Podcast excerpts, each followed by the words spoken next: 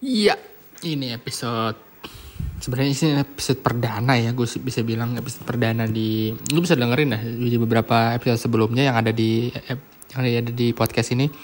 Sebenarnya itu dari YouTube, tapi gue pengen fokus. Jadi gue emang di YouTube udah naruh beberapa, udah naruh banyak banget uh, video ngomongin tentang wrestling, tapi gue juga pengen ngebahas tentang di podcast ini. Jadi mesti karena lebih mungkin lebih simpel ya kalau ini nggak usah pakai video apa atau apa pun gitu. Jadi bahasan gue sih sebenarnya uh, minggu lalu jadi minggu lalu itu lagi rame banget. Kabar kalau si Empang dan Daniel Bryan balik ke bakalan balik wrestling lagi. Si Empang sih tentunya balik balik wrestling lagi.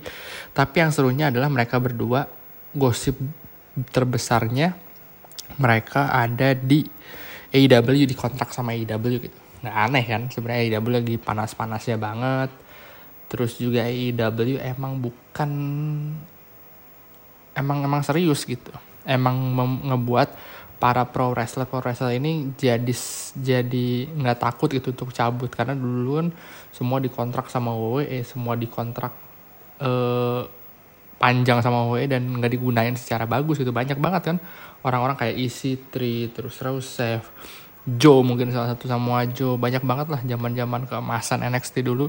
Mereka ngontrak banyak orang tapi nggak dipergunakan dengan baik gitu. Ya dipendem aja WWE cuma FOMO aja takut kehilangan orang takut gimana jadi dia ngontrak banyak orang gitu. Sementara nggak ada perusahaan wrestling lagi yang setara gitu. Udah mungkin udah hampir dari semenjak AEW 2019 mungkin dari dari 2004 dari 2014 mungkin atau 15 uh, eh, Impact Wrestling udah downfall udah udah mulai nggak nggak seru lagi manajemennya udah hancur makanya WWE tetap di atas dan ada NXT juga jadi WWE tetap ada di jalur atas gitu.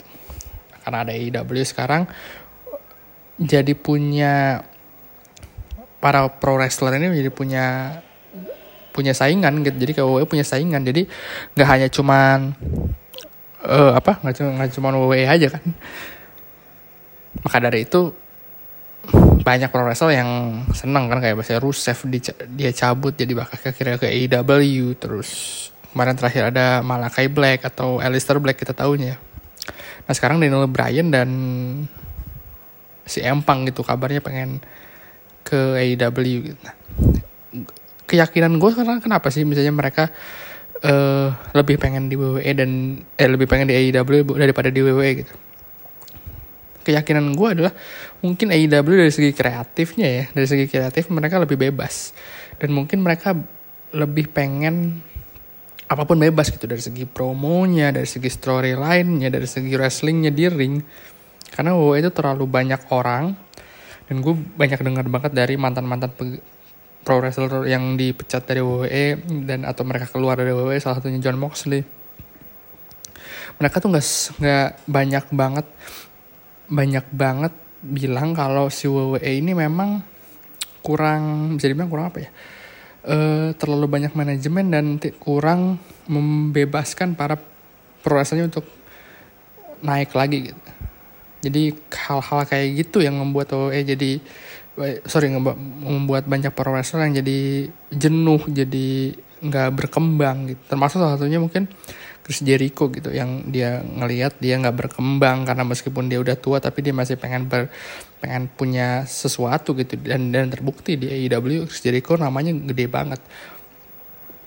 Makanya gue rasa sih emang karena ada IW dan menurut gue sih gue setuju setuju aja. Kalau banyak dari lo yang gak setuju wah Daniel Bryan harusnya tetap di WWE nih atau si Ampang harus di WWE nih.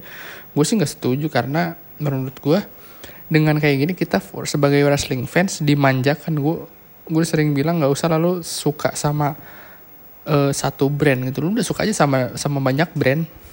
Ya lu nontonnya wrestlingnya gitu bukan bukan fokus sama uh, wrestling company-nya gitu apalagi gue lihat sekarang AEW udah udah keren banget dengan ada banyaknya fans ya. Dan uh, tapi masih menurut gue masih banyak kekurangan juga di AEW tapi ya untuk saat ini sih ya gue untuk saat ini masih sangat enjoy banget nonton dua-duanya.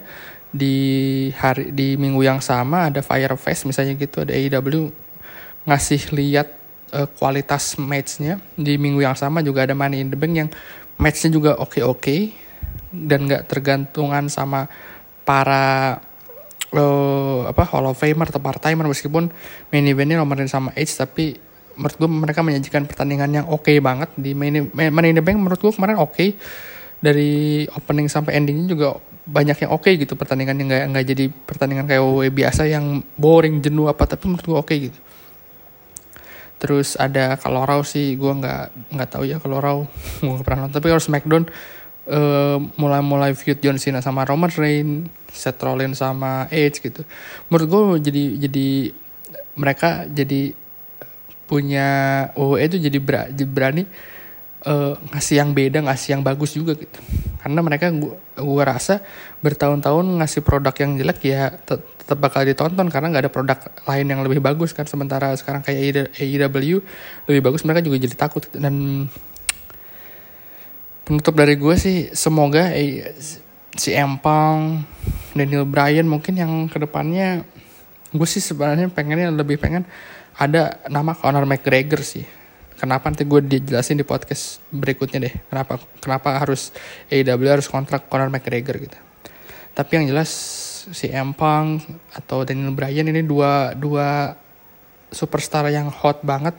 Menurut gue harusnya bisa dikontrak sama AEW supaya OE lebih lebih siap juga bisa ngasih pertandingan-pertandingan yang bagus, bisa ngepush orang-orang yang yang muda-muda gitu. Nggak yang dipushnya ya Roman Reigns lagi ya Dominic Mysterio lagi ya dipush-pushnya ya orang-orang yang memang benar-benar bisa dipush gitu. Dan benar dipush itu benar-benar lebih bagus gitu karakter-karakter lebih lebih bisa keluar. Gue ya em, kalau misalnya ditanya ya yakin gak sih oh bisa bisa kayak gitu? Bisa.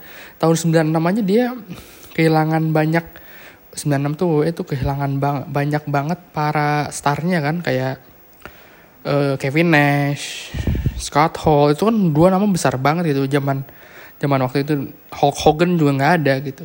Sementara top guy-nya tuh masih belum dibilang top guy top guy karena Shawn Michael sama Bret Hart kan mereka lebih ke technical wrestler ya, bukan bisa dibilang top guy yang drawing money gitu. Sementara tahun 96 itu Stone Cold, The Rock, Triple H, Taker juga masih belum stop guy kayak Attitude Era gitu dan buktinya mereka bisa gitu ngepush orang-orang muda gitu. Nah, gue yakin sekarang juga bisa sih ngepush-push orang-orang muda yang ya kita siapa tahu lah orang-orang kayak eh uh, siapa contohnya? Art uh, sudah terlalu tua sih menurut gue kayak ya banyak orang-orang anak muda yang ada di WWE atau mungkin kayak contohnya Bianca BLR deh. Bianca BLR kan maksudnya tergolong muda tapi dia bisa uh, star powernya udah bisa jadi main event WrestleMania gitu. Ya bisa menurutku bisa juga ke yang yang lain-lain gitu. Ya gitu jadi dari gue